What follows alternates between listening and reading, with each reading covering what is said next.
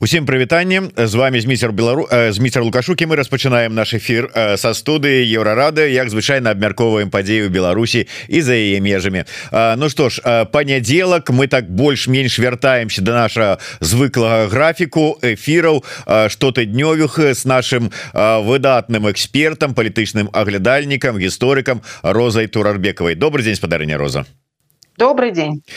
Спадарня роза з чаго пачнем наш сённяшні агляд? Падзеяў так досыць шмат і я за вашими публікацыямі таксама сачыў у тэлеграме. Дарэчы хто раптам гэтага яшчэ не зрабіў Ну просто абавязкова раю подпісацца на телеграм-канал спадарні розы турарбекавай. Не ўсё что паспяваем мы агледзець у сваіх эфірах Ну ці не супадае па часе заўсёды можна выдатную аналітыку пачытаць у яе телеграм-канале канале спасылочку зараз э, дадуць у наших каментарах у нашем чатику. Ну и безумоўно YouTube канал еврорадыо нагадываю для кого это бяспечна подписывайтеся ставьте падабаечки натискайте на звоночек раз шервайте Ну и задавайте свае пытанні так ну что с хусітаў пачнем ці с ситуацыю Беларусі ці у, у свете. Ці может быть Тайвань. Что вам бліжэй с чего пачнем но что-то про Тайвань это по поводу выборов. Да, да, да, так... да. Бог с ними, с хуситами, простите. Давайте все-таки с Беларуси, э, с того, что нам ближе. Ну что ж давайте тады з Беларусі пачнем і можа быть пачнем з того что у чарговы раз Лукашенко разважае про тое что ну можем мы потонуть хто Праўда мы Беларусь лукашенко губазик азаронак с туром. Ці хто там можа яшчэ потонуть цяжка ну как бы зразумець но безумоўно что у яго ўяўленні калі патоне ён то патоне ўся Беларусь і нават мы з вами тут вось патонем як мінімум у слезах радасці але тым не менш вот як вы думаете что стаіць за гэтымі яго словамі мы тут неяк подлічылі что ну фактычна кожны год у яго гучала с словы про тое что ну вот гэты год будзе ўжо такі ўжо складаны якіх не было но нам надо справиться нам на тут трэба собраться гэта ну звычайны популізм звычайное такое пустослоўе ці ўсё ж таки за гэта за гэтым сёлета прынамсі хотя бы нешта стаіць Ну, в общем, да, это популизм. Популисты любят использовать да, страх как оружие э, и на, на этом фоне да, предлагать какие-то там э, радикальные меры. А, вот. Но а, так как это уже в традиции у Лукашенко, то, с одной стороны, мы это воспринимаем как такой эм, пропагандистский дискурс. С другой стороны, я, я думаю, что он чувствует себя не в небезопасности. Да?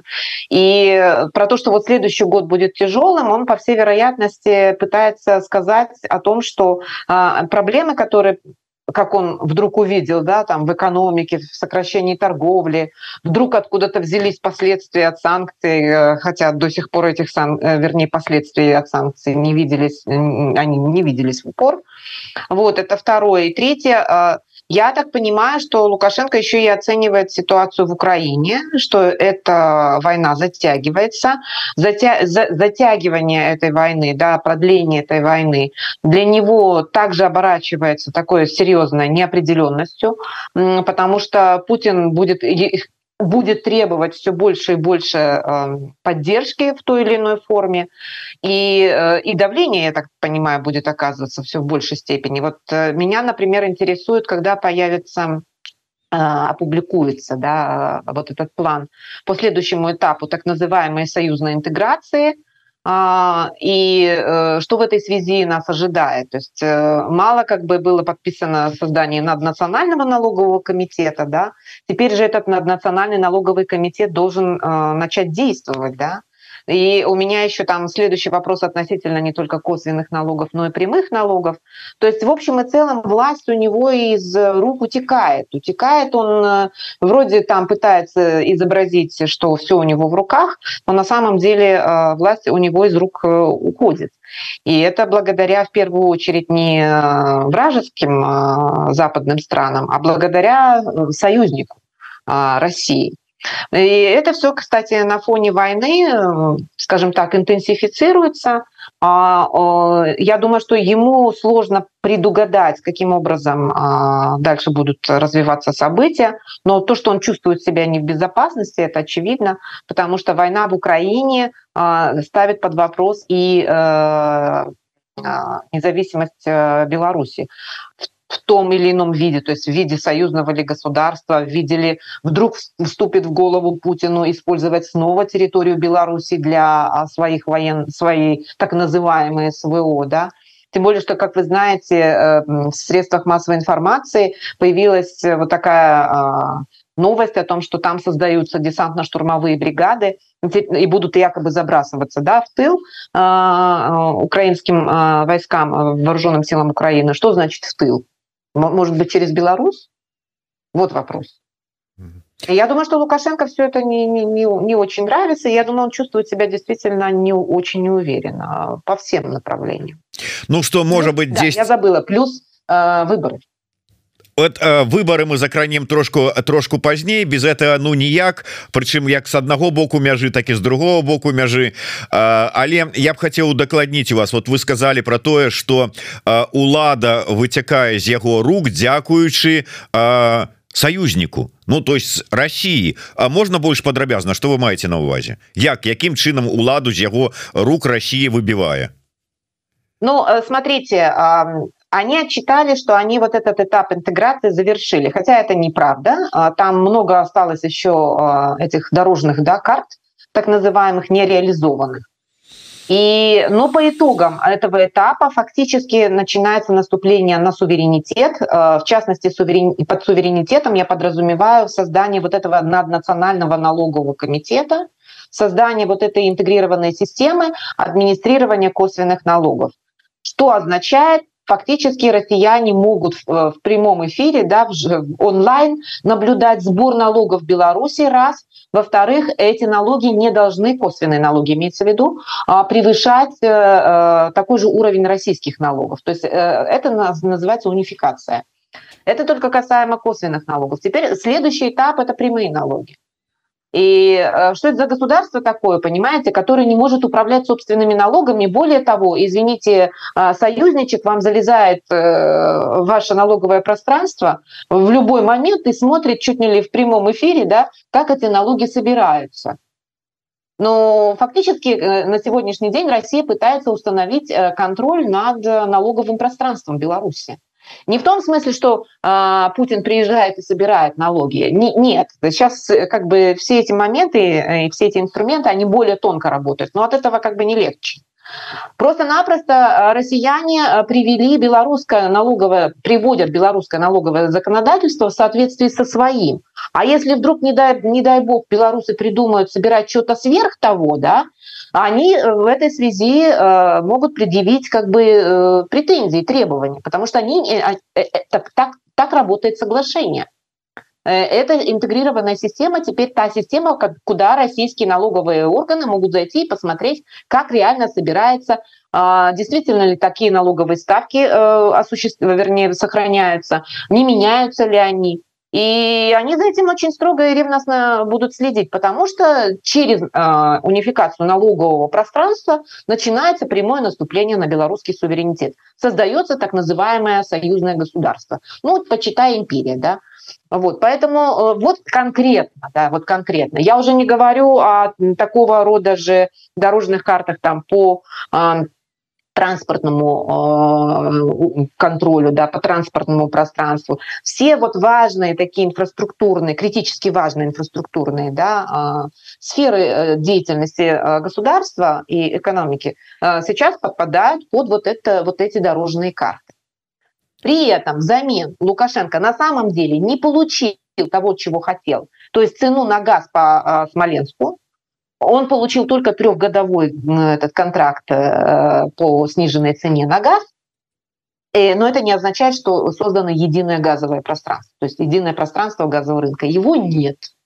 А Путин должен был подписать соответствующий документ где-то в ноябре, в декабре, я информацию смотрела, пока ничего такого нету. Соответственно, я из этого исходя делаю вывод, что то, чего хотел Лукашенко в реальности, да, получить газ, например, по э, цене Смоленска, он пока этого не добился. Что касается э, нефти, вот Почему была подписана а, это, этот договор по налогам и почему унификация происходит? Потому что в, в, в обмен на это россияне как бы отменяли вот этот налоговый маневр. Но они его отменяют в таком не, как это сказать, не системном порядке, а каждый раз они рассматривают, отменить это или не отменить, вернуть или не вернуть. Поэтому, ну, как, как это сказать, тактические успехи какие-то э, промежуточные были, но цена за них стратегически высокая. А цена – это потеря э, суверенитета в буквальном смысле. Э, так мы э, да вот адносінаў с Россией і увогуле у гэтым так званым ЕАС яшчэ вернемся. Я просто хотел бы вернуться до самого початку дзе вы так ну как бы так с 10 нават з беларускай такой абыякавасцю отмахнуліся ад этих хусітаў сказаўшы там да Бог с ними і вот тут вас падтрымліваюць наши гледачы Валентина каманская піша чамусьці хусіты і Тайвань мяне не турбуюць мяне можа таксама асабліва не турбуюць но Ну але давайте глядзець может быть я я просто коротко каб мне хотелось удакладнення можа я помыляюся поглядзець шырэй. Может быть вот наўпрост на жыццё нас з вами беларусаў Беларусі гэтыя падзеі сапраўды не ўплываюць. Але калі паглядзець ну может быть с такого хоть э, кажуць что такого тэрміна насамрэч не існуе геапалітычная вот але вот калі так шырэй паглядзець. Вот ситуация с хусітамі. Военные дзеянні якія распачаліся у якія увязалася ЗША і Великабрытанія а здаецца нас не закранае. Але на наш рэгіён гэта можа паўплываць? Адцягне увагу ЗША ад сітуацыі ва ўкраіне адпаведна і ад Беларусі. Сітуацыя ў Тайвані выбралі э, чалавека э, які вельмі не падабаецца Китаю Китай можа пайсці на нейкія актыўныя актывізацыю дзеяння э, супраць Тайваню. І можа гэта нейкім чынам паўплываць і на нас у тым ліку ці не? Ці сапраўды наша гата с краю і гэтыя падзеі нас не тычацца С одной стороны, да, наша хата с краю, потому что э, казалось бы, эти события происходят далеко от э, Европы, далеко, тем более далеко от Восточной Европы. Вот у нас тут своя повестка еще ого какая. А вот. С другой стороны, э, это то, что называется международный контекст. Мы всегда живем в определенном каком-то контексте международных отношений. Нам кажется, что это не имеет к нам отношения, потому что мы там маленькие, мы там сидим скромненькие в, своей Восточной Европе, там в Беларуси, мы такие маленькие, бедненькие, на нас никто не обращает внимания. Либо на нас обращают внимание в связи с э, войной в Украине, либо с имперскими э, планами Кремля. Единственный раз, когда Беларусь действительно смогла привлечь к себе всеобщее внимание, это были протесты 2020 года. А, и, ну, ни одно из этих событий нельзя рассматривать в качестве отдельно, а, отдельного события. Мы не живем на другой планете, не живем на Луне, мы не можем так, э, как бы исключить себя из международного контекста. Более того, я вам, э, и мы с вами, по-моему, это обсуждали, События 2020 года происходили в неблагоприятном международном контексте для нас. И исходя из этого, кстати говоря, была достаточно скромная позиция Европейского Союза. И исходя из этого были э, объявлены санкции э, символические, а не реальные. Да? И исходя из этого Соединенные Штаты в первые, там, скажем, да, месяцы э, протестов э, не занимали никакой толком позиции. Трампу было все равно. И то, что ему было все равно, это тоже повлияло на нас. А теперь, что касается хуситов и Тайваня. А, смотрите, а, действительно, Красное море от нас далеко, а, сектор газа тем более, там же где-то, да. Соединенные Штаты сейчас и Великобритания уделяют огромное внимание именно этому региону, но не просто внимание, а Соединенные Штаты и Великобритания находятся фактически на грани региональной войны. А американские аналитики это сравнивают с возможностью повторения сценария с Ираком. Каким образом это влияет на Беларусь?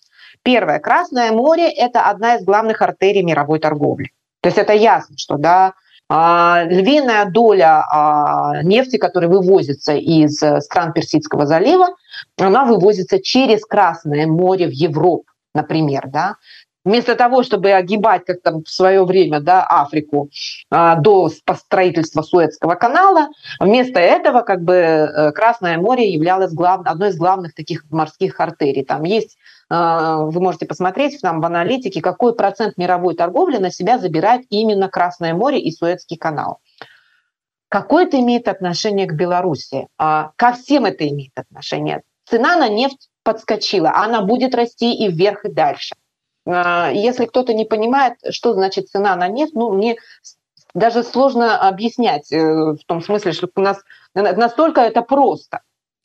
Цена на нефть означает в первую очередь что?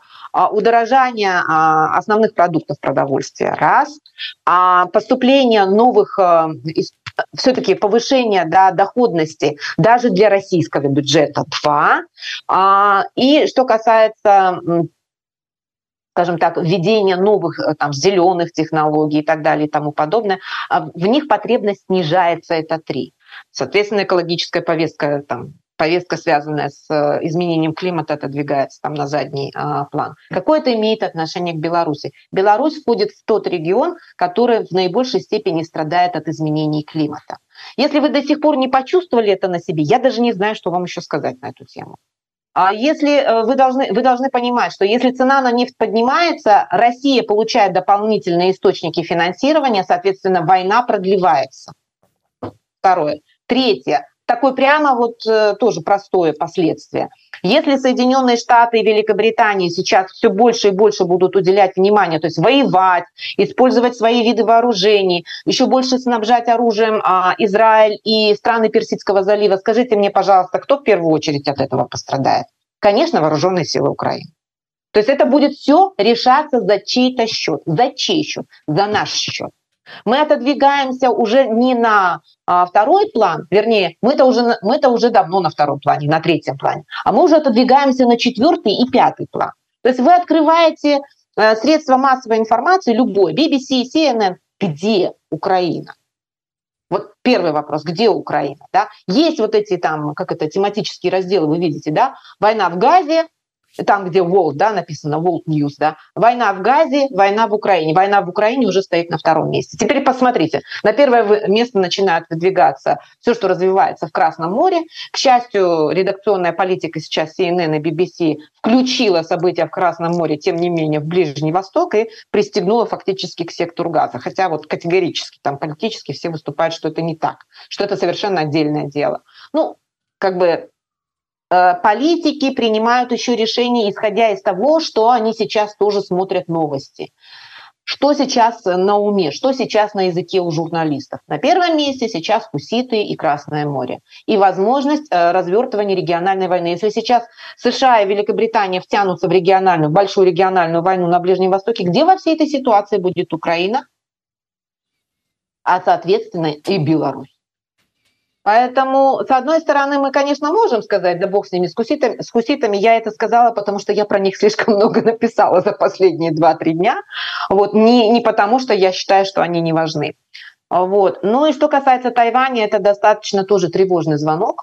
Почему? Потому что э, коммунистическое руководство Китая сейчас, э, скорее всего, будет задействовать такие более радикальные, возможно, да, сценарии а, поведения э, в отношении Тайваня. Это, это повлечет за собой вовлечение опять Соединенных Штатов, идет распыление сил США да, и их союзников на вот эту общую мировую повестку. Сектор газа, Красное море, Тайваньский пролив.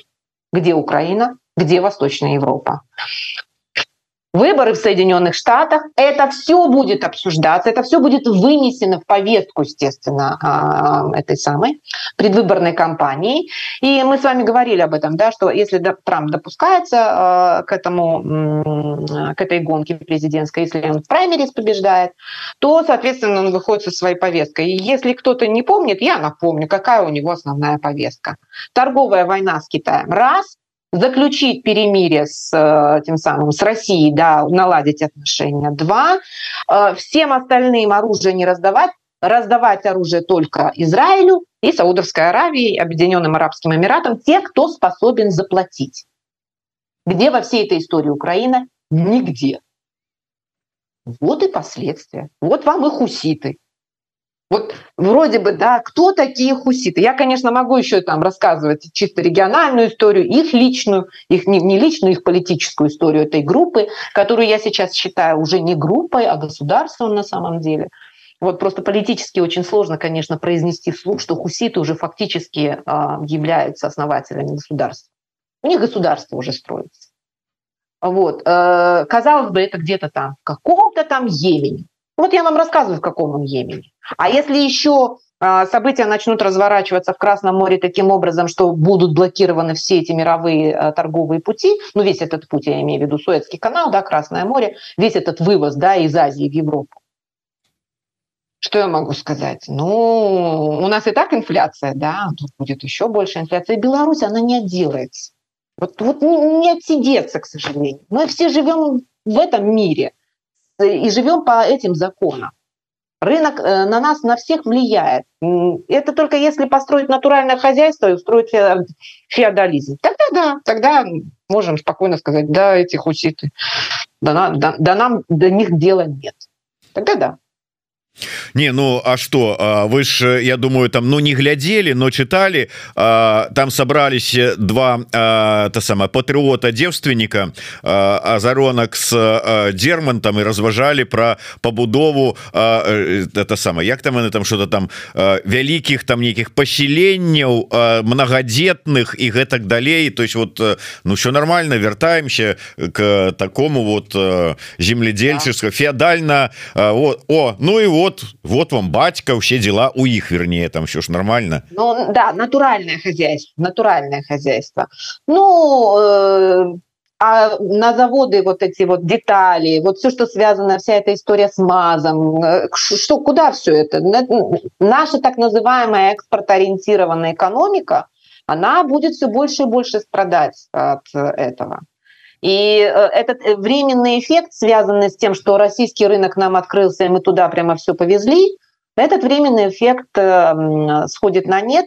Еще раз повторюсь, я не экономист, ничего, ничего сказать не могу относительно такой общей да, экономической картины, связанной с тем, как, как сейчас в Беларуси происходит. Но вот, этот вот эта цифра относительно отрицательного торгового сальда, да, на который выходит сейчас белорусская экономика, белорусская торговля, минус 2 миллиарда. Откуда это взялось вообще? У нас же все прекрасно.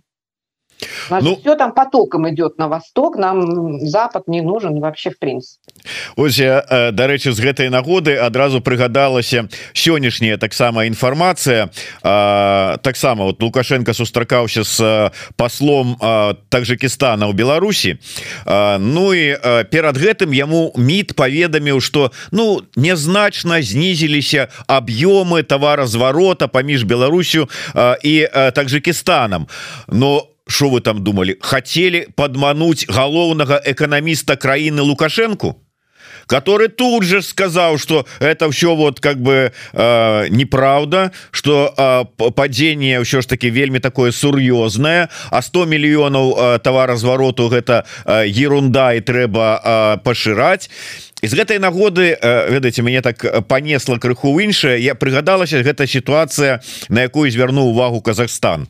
С цяжкасцямі проходу для товара вот этих грузавікоў с товарами беларуска-расійской мяжы і что вот для усіх гэтых дальнабояў якія едуць з Казахстана з Таджикистана з Кыргызстана для іх толькі один пункт пропуска на беларуска-расійскай мяжы.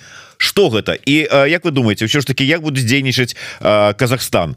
Ён там все ж таки адста зможа адстаять свои правы ці не в этой ситуации Ну вы знаете ситуация с Казахстаном становится все страннее и страннее да первое, такой звонок был это относительно до обслуживания Боингов. Вы помните, да, в Казахстане отказались обслуживать Боинги э, белорусские, ну, имеется в виду белорусские, да, воздушные корабли, э, потому что под санкциями. Э, вот. Э, второй момент – это момент, связанный с повышением цен на транзит казахстанского, э, казахстанской нефти. А казахстанская сторона не согласилась на повышение. Вот я дальше не знаю, как ситуация разворачивалась. А, на чем как бы договорились, договорились ли, да. Ну и теперь, что касается вот этой истории, связанной с эм, транспортировкой грузов, а, и с этими, а, с этими как бы сложностями да, коммуникационного характера, у Казахстана, к сожалению, не очень много опций в этой связи. Во-первых, э, что касается транспортных путей для Казахстана, в основном выход в Европу – это все-таки северный маршрут через Россию и Беларусь. А вот над всеми остальными выходами Казахстан работает, но это нельзя построить даже за 10 лет выстроить аналогичную инфраструктуру. Я в свое время, когда вот писала статью по Казахстану, а, писала об этой критической инфраструктурной зависимости, да, критической инфраструктуры Казахстана от России.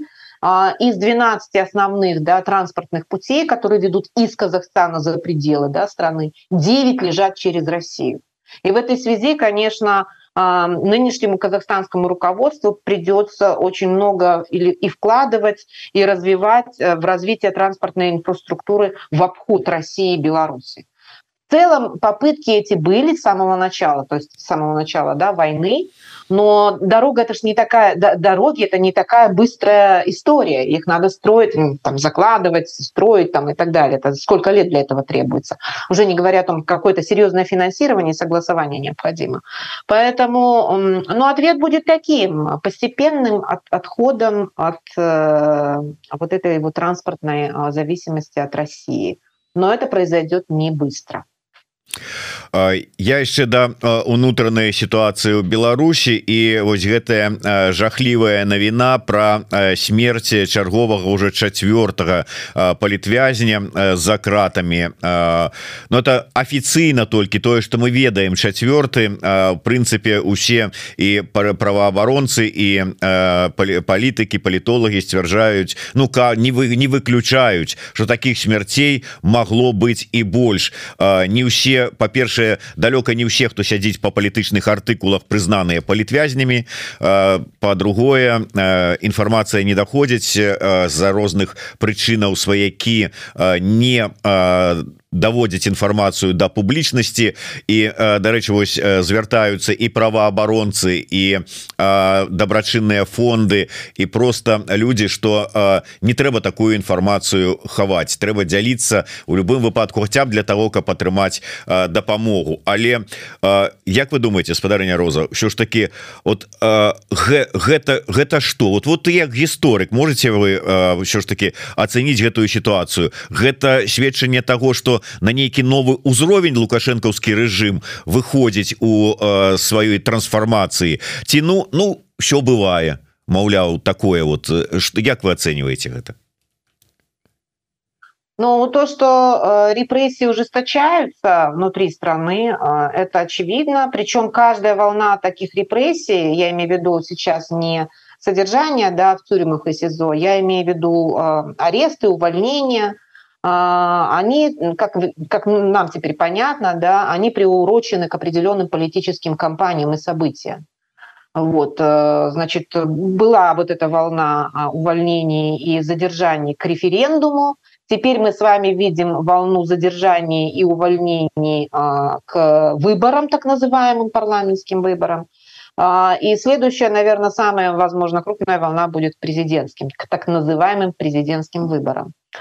Что касается содержания, условий содержания в СИЗО и в тех самых, в, и в ВВС, и в СИЗО, и в тюрьмах, там ситуация только ужесточается, потому что, понимаете, система отстраивается. Э, вначале вводится какая-то практика где-то в одной, в одном СИЗО. Потом идет такая, как это, генерализация этой практики на всю страну.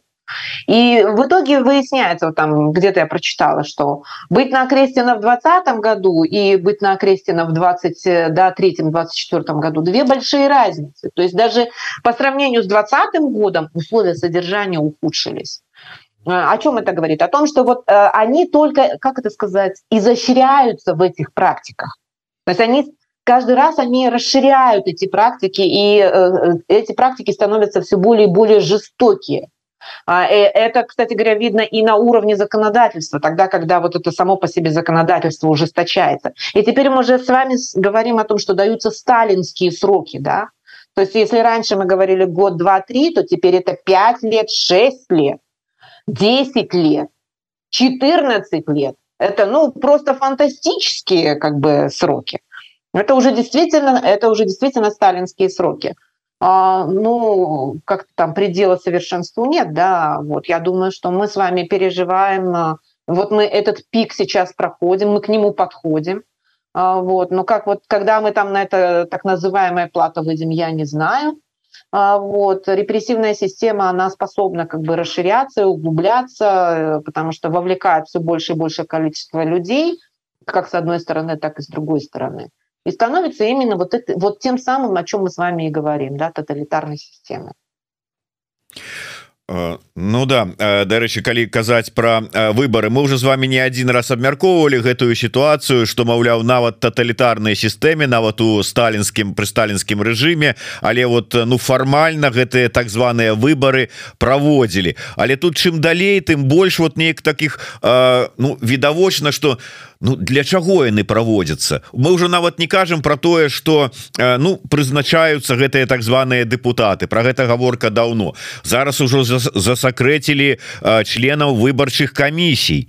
То есть вот нават у сталінскія часы такога не было. Ведалі хто там у этой камісіі уваходзіць выбарчыя цяпер нават гэтага не ведаем. Недзе нават э, спіски кандыдатаў у депутаты засекры засакрэцілі. Не ведаюць хто ідзе.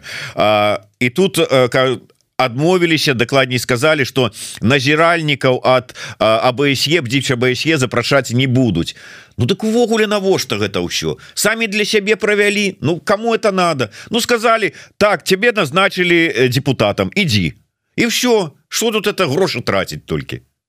Ну надо ритуал провести надо типа соблюсти э, закон э, который и вот э, одному столько человеку иногда не до законов, а все-то должны, должны быть по закону. А, вот. Это ритуал, да. Ни один, кандид... Э, ни один диктатор не признает себя э, диктатором, то есть в названии его э, должности нету, да, этого диктатор. Там мы с вами, по-моему, об этом говорили, только один был честный, да, это Бакаса, который себя провозгласил императором в Африке. А все остальные, они все-таки президенты, да, президенты, которые должны, должны пройти вот через этот ритуал, да, так называемый выборный. Вот. Ну, такой олимпийский принцип, да, главное не победа, главное участие. Вот. Но смех смехом э, – это имитация, да, имитация, причем чем дальше, тем больше эта имитация становится просто откровенно, да, дурной, плохой, вот уже все дальше дальше, как говорится, от образчика. А, вот. Сложно сказать, чем это закончится, но то, что это профанация, и это стало уже настолько очевидно всем, а, после 2020 года, я думаю, что просто не знаю, кто еще может говорить о том, что у нас есть выборы. А, вот. Но, тем не менее, вот этот ритуал им необходим. Значит, э, нехорошо себя диктатором называть, надо выборы провести. Даже такие. Дарэчы пра дзеянні рэжыма наколькі я так разумею яны нацеленыя на тое каб выйсці у так сказать у пошуках ці як яны называюць дастаць усіх ворагаў за межы. І с аднаго боку мы маем чарговыя раз э, атрымалі літоўскія депутаты лісты с пагрозамі. Маўляў э, что э, у этих лістах выказывается я цитую незадаволенасць літоўскай палітыкай у дачыненні да беларусаў якія сёння жывуць у літве і маўляў калі стаўленне не зменится э, то э, вот аўтары гэтых лістоў пагражаюць перакраіць карту краіны с аднаго боку Ну зразумела что сярод э, ну дэмакратычных сілаў ці беларусаў якія вымушаны з'ехаць э, любых беларусаў э, Ну уцямных у якіх ёсць розум у галаве у ім просто не прыдзе ў галаву написать это такое что это веду что это правакацыя спецслужбаў. З другого боку мы назіраем актывізацыю стварэння перахопліванне нейкіх там телеграм-каналаў гэтымі так зваными сілавікамі. Стварэнне аккаунтаў с фотаздымкамі і ад імя нібыта вядомых людзей. Вось учора не далі як з'явілася Э, аккаунту фейсбуку от э, профессорки э, флоридского университета Полины прысмаковой. Хотя Полина написала мне со словами что я ніколі фейсбуком не карысталася и карыстаться не збіраюся нейкі невядомы прыкрываючыся тым что ён нібыта журналіст еўрарадыо стварыўшы сторонку у фейсбуку звяртаецца таксама ў розныя структуры нібыта по каментары и по інфармацыю. Гэта что выход менавіта на ну спроба выйсці на такі вось за межы Беларуси да да они выполняют его приказ по-моему это было где-то в ноябре если я не ошибаюсь а, было это заседание где он сказал достать всех и перед выборами в первую очередь достать он он хочет всех достать чтобы всех заткнуть А, вот. Отсюда идет разработка спецслужб. Да. Литовское направление одно из самых активных, насколько я понимаю. А, вот. И э, делается все для того, чтобы э, ухудшить положение а, белорусов в Литве и э, создать вот эту вот напряженность в отношениях между литовскими властями, политиками, с одной стороны, и с другой стороны, белорусской диаспорой в Литве. А, вот. И будут еще и не такие вбросы будут, понимаете. Здесь же, сюда же ЕГУ приплели.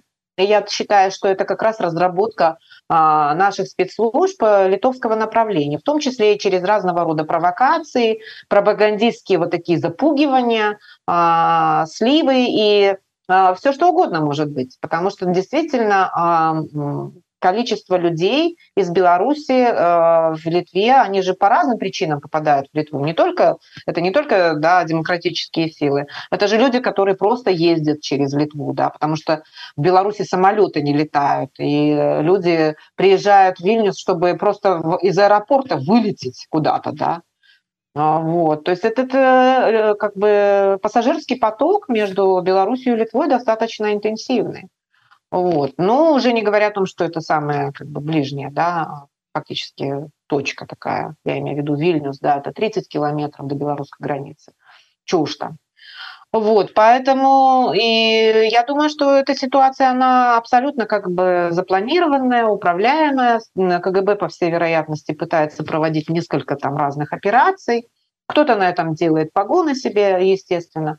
А, и я думаю, что есть координация с ФСБ вполне, потому что они координируют свои действия в отношении, координировали свои действия в отношении демократических сил в Беларуси, в отношении оппозиции в России, вылавливали да, белорусских э, протест, протестующих в России, выдавали а, белорусским властям неоднократно да, все эти случаи. И я думаю, что они координируют свои действия, и уже их координация достигла того, что они проводят совместные операции. Конечно, их цели могут чуть-чуть различаться, но они могут проводить совместные операции, точно они пользуются информацией друг у друга, там, запрашивают информацию и помогают друг другу, делятся своими, как это сказать, технологиями. Вот что я хочу сказать. Ну и они, э, Россия очень заинтересована в том, чтобы Беларусь имела очень плохие отношения со всеми странами соседями. Лукашенко под это дело э, тоже подписывается, хотя на самом деле, если уже совсем быть честным, то э, это не в его интересах. Если он вообще не соображает, если вокруг него такие дурацкие советники, то я просто скажу, что э, это даже не в его интересах. Если он хочет действительно а, наладить отношения или, по крайней мере, удерживать их в более или менее приличном положении состоянии, зафиксировать их, он не должен позволять э, такого рода операции. Если он хочет, чтобы дальше Беларусь э, была так называемым транспортным коридором. Потому что ну, ситуация может развиваться в очень негативном русле и в конечном итоге обернуться настоящей транспортной блокадой. Уже звонок прозвенел летом 23 года. В 24 году может и дверь закрыться. вы сапраўды гэта не выключаеце что можа Еўросоюз пайсці тому что наколькі ўсё ж таки мы ведаем у аднабаковым парадку тая ж самая хотя б нават Польша не можа ўзяць і перакрыць беларуска-польскую мяжу Ну, не перекрыть, но закрывать будут, э, ухудшать ситуацию будут, сужать коридор, э, уменьшать, как они говорят, да, например, литовские э, государственные да, служащие говорят, рассмотреть список или перечень мер, которые будут способствовать снижению потока людей. Что это, ну, вот в переводе с бюрократического на человеческий, что это означает? Закрытие как можно большего количества погранпереходов, создание таких условий, при которых как можно меньше пассажиров может, или вернее, да, людей может пересекать границу. А насчет грузов, ну, это другой вопрос, но я как бы я ничего не исключаю. Знаете ли, 24 год начался тоже с этих, с черных лебедей. Я понимаю, что хуситам хуситы никого, никого не интересуют, но лично я вздрогнула, когда прочитала, потому что я поняла, что речь идет о, о, возможной, о, о возможной третьей войне в регионе. ой, вернее, не в регионе, а в мире, в котором принимают участие в том или ином виде э, Соединенные Штаты. В Украине США не принимают участие, они оказывают активную поддержку, да, но большую помощь оказывают. В секторе газа они тоже оказывают большую помощь, и они обеспечивают определенную поддержку. А, там этот американский флот в Средиземном море стоит. А, вот. а, а в Красном море они уже напрямую принимают участие. То есть не, не, не принимают участие, они разворачивают военную операцию, которая может обернуться а, войной. Ну ведаеце калі э, я к чему сказала это я говорю к тому что черные лебеди впереди да. да калі калі вот ну слухаць Александра меленкевича то ён сыходячы з таго что у нас зараз вельмі шмат гавораць про гібриднасць там розных дзеянняў супрацьстаянняў то ён кажа что вот такая гібридная третья сусветная война ўжо ідзе ідзе не першы год. Так что можа быть мы так пакуль у гібридным стане паступова пераходзім до гарачае супрацьстаяння Дарэчы про Э, то есть вот э, такое адносіны добрыя с усім светом. Сёння у нас э, такі юбілей можна сказать. 30 гадоў тому менавіта сёння вось у гэты день 15 числа 30 гадоў тому мінск с афіцыйным візітам наведаваў Билл Клинтон. Где тое было как говорится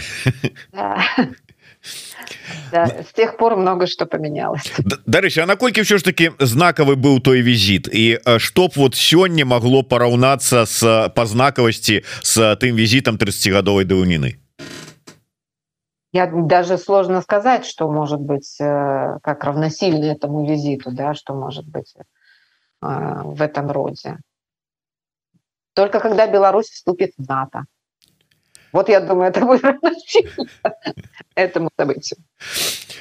то есть А вот візит умоўно кажучы там байдена ці хто там пасля яго прыйдзе ў Беларусь вот вы так не не, не, не ставіце ў такую роўнасць веду визит байдена к лукашенко ну Беларусь визит байдена в Беларусь это одно а визит байдена к лукашенко это чуть-чуть другое Ну і тады ж ён таксама не летеў конкретно там к шушкевичу там ці яшчэ кому. Ён ляцеў Беларусь так і тут вот как бы. Ну ладно. Але давайте про может быть іншая інфармацыі пакуль няма але вядома что уже пачаў працу сваю форум у давосе дзе прысутнічае і зеленскі і тихохановская дарэчы.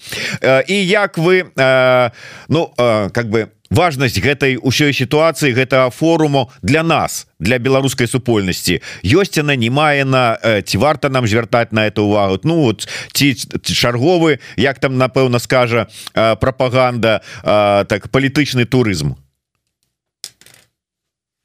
Ну, кто у нас политическим туризмом в Африке занимается, все, всем известно. Да, это точно туризм. Там как бы никаких других целей. Ну, или семейный бизнес, я бы сказала так, да.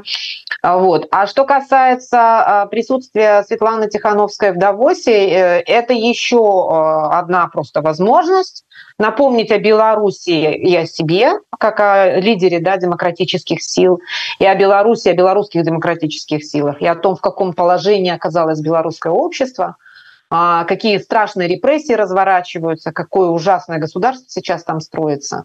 Это первое. То есть это привлечение внимания к себе, это первоочередная задача, и не так уж много, извините меня, возможностей для этого. Поэтому то, что туда Светлана Тихановская а, поехала и будет иметь ряд встреч, это само по себе прекрасно, я считаю. Было бы замечательно, если бы помимо этого а, Светлана Тихановская встретилась с Зеленским чтобы они пересеклись. А наши интересы, и я думаю, что Владимир Зеленский это прекрасно знает и понимает, наши интересы совпадают. И э, мне кажется, в этой ситуации надо быть более, может быть, посылать месседжи более четкие. В частности, как тот месседж, который Зеленский э, посылал, когда произносил э, речь э, во время своего визита в Вильнюс по поводу Беларуси, да. То есть это вот однозначное упоминание, однозначный месседж в отношении Беларуси. И если произойдет встреча какая-то да, на полях, как говорится, да, саммита, то это будет замечательно, потому что на самом деле наши интересы совпадают. И со стратегической точки зрения это было бы правильно Вот, собственно, и все.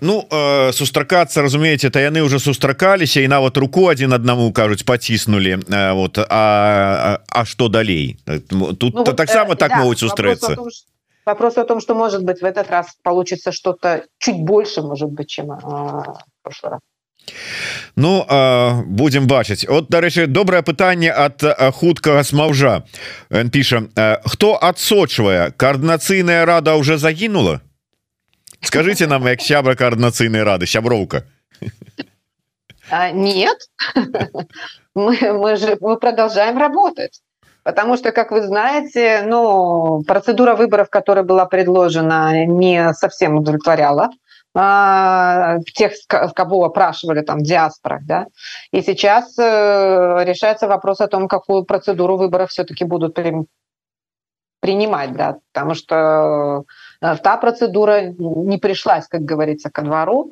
э, и по всей вероятности она не будет осуществлена.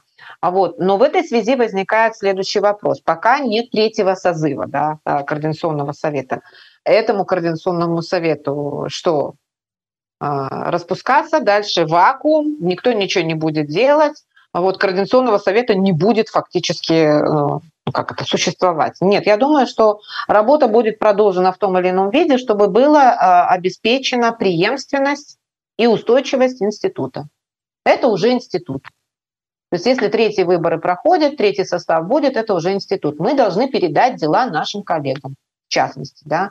Вот я член международной комиссии, а, если меня не изберут в следующий состав Координационного совета, но в следующем составе должна быть международная комиссия однозначно, то и мы должны передать наши дела, что называется. Они, мы оставляем после себя определенные результаты. Я, пони... Э, я не знаю, там, почему все время насмехаются над этим, но определенные результаты всем, кто скептически относится к Координационному совету, советую зайти на сайт Координационного совета и посмотреть, какой перечень документов мы приняли и сколько мы сделали за этот год, всего лишь навсего год. Вот. И э, мы продолжим нашу работу до тех пор, пока, наверное, ну, либо пока не будет создан а, третий э, состав Координационного совета, либо какое-то будет принято промежуточное решение, пока наш мандат до 7 февраля. Ну і вось э, что далей? Э, то у мяне такое адчуванне что з-за вот гэтых спрэчак по працэдуры э, новага галасавання Ну і ўсе этой сістэмы э, гэта ўсё зацягваецца і э, до сёмага лютага не паспеецца. Э, вот у пятніцу у мяне быў эфир с э, вашим коллегам по коорднацыйнай радзе кныровичем который сказал что все у для мяне асабіста сёмага лютага паўнамоцтвы завяршаюцца і як бы там ни было я закрываю двери і кажу мае паўнамоцтвы скончыліся я сыходжу вот ці правильная позиция на ваш погляд і ці ну вот что чакаць калі это ўсё? Ці это можа быть там скажуць Ну давайте у нас тут еще что-то тут нейкае неузгадненне не не атрымліваецца на год давайте процягнем наши паўнамоцтвы но на год вряд ли но до следующего состава Координационного совета в той или иной форме а, этот состав, второй состав продолжит свою работу. Может быть, не в полном составе, может быть, комиссии э, сохранятся, потому что план большой и много было задумано сделать. сделать. А, вот. Э, примерно так. Кнырович э, – это его право как члена Координационного совета завершать свой срок тогда, когда было намечено я не вижу в этом как это крамолы. А вот. Э, он не призвал, в отличие от некоторых, да, к распуску Координационного совета, не поливал грязью Координационный совет. Он четко придерживается там, тех своих как бы, обязанностей, которые он считает своими обязанностями члена Координационного совета. Моя личная позиция такова, что столько, сколько я смогу э, до э, третьего созыва делать свою работу в международной комиссии, столько я и буду делать. Я за это ничего не получаю, кроме шишек и ареста собственности. Вот и, вот и все.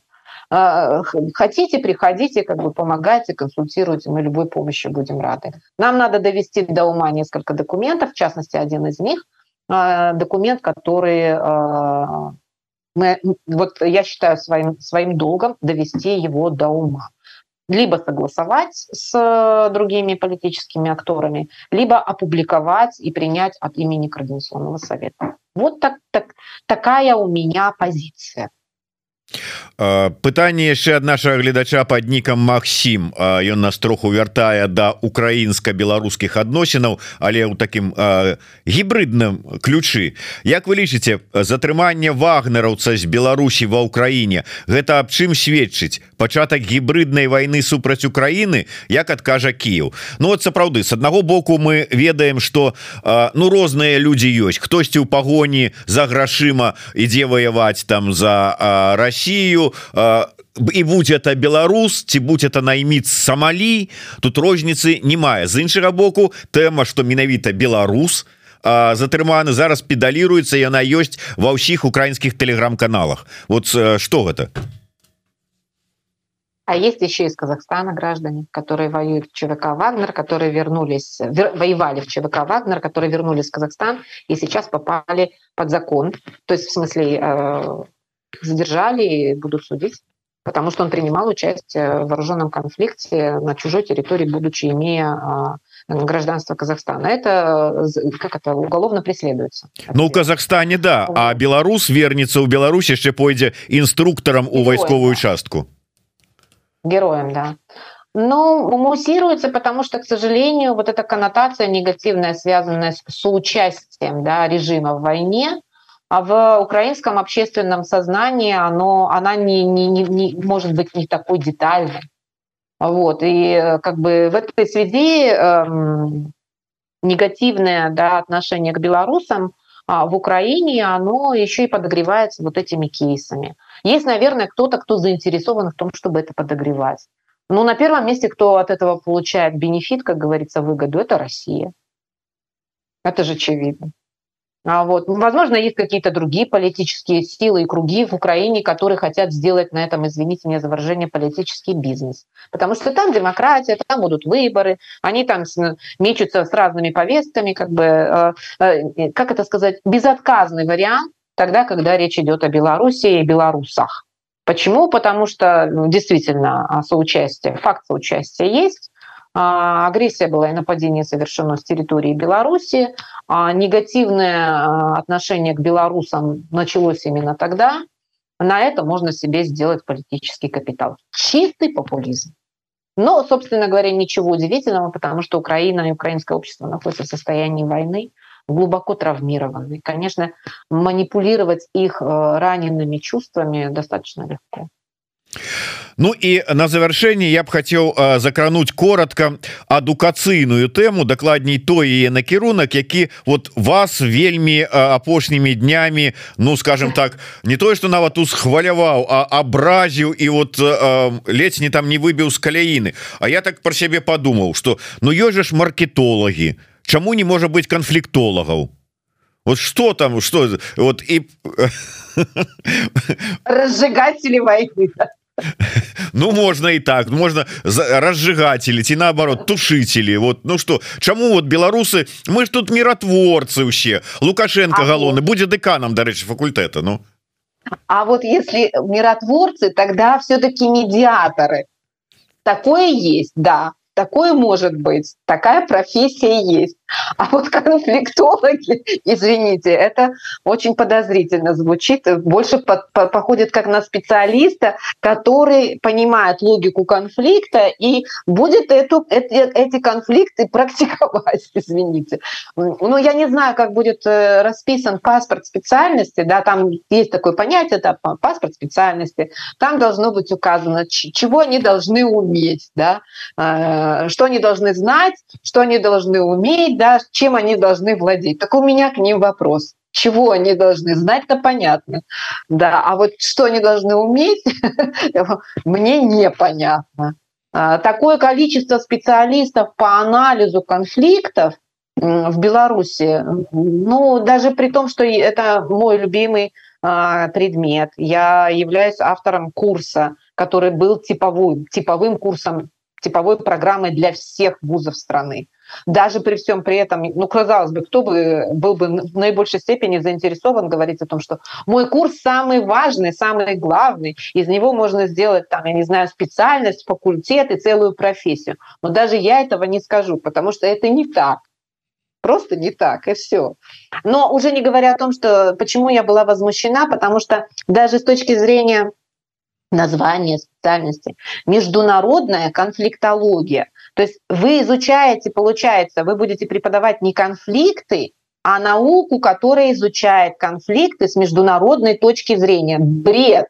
То есть это как международная социология или международная там политология. Это ну, они просто сам по себе проблема заключается в том что такая формулировка а, и открытие такой специальности предполагает, что они не понимают предмет.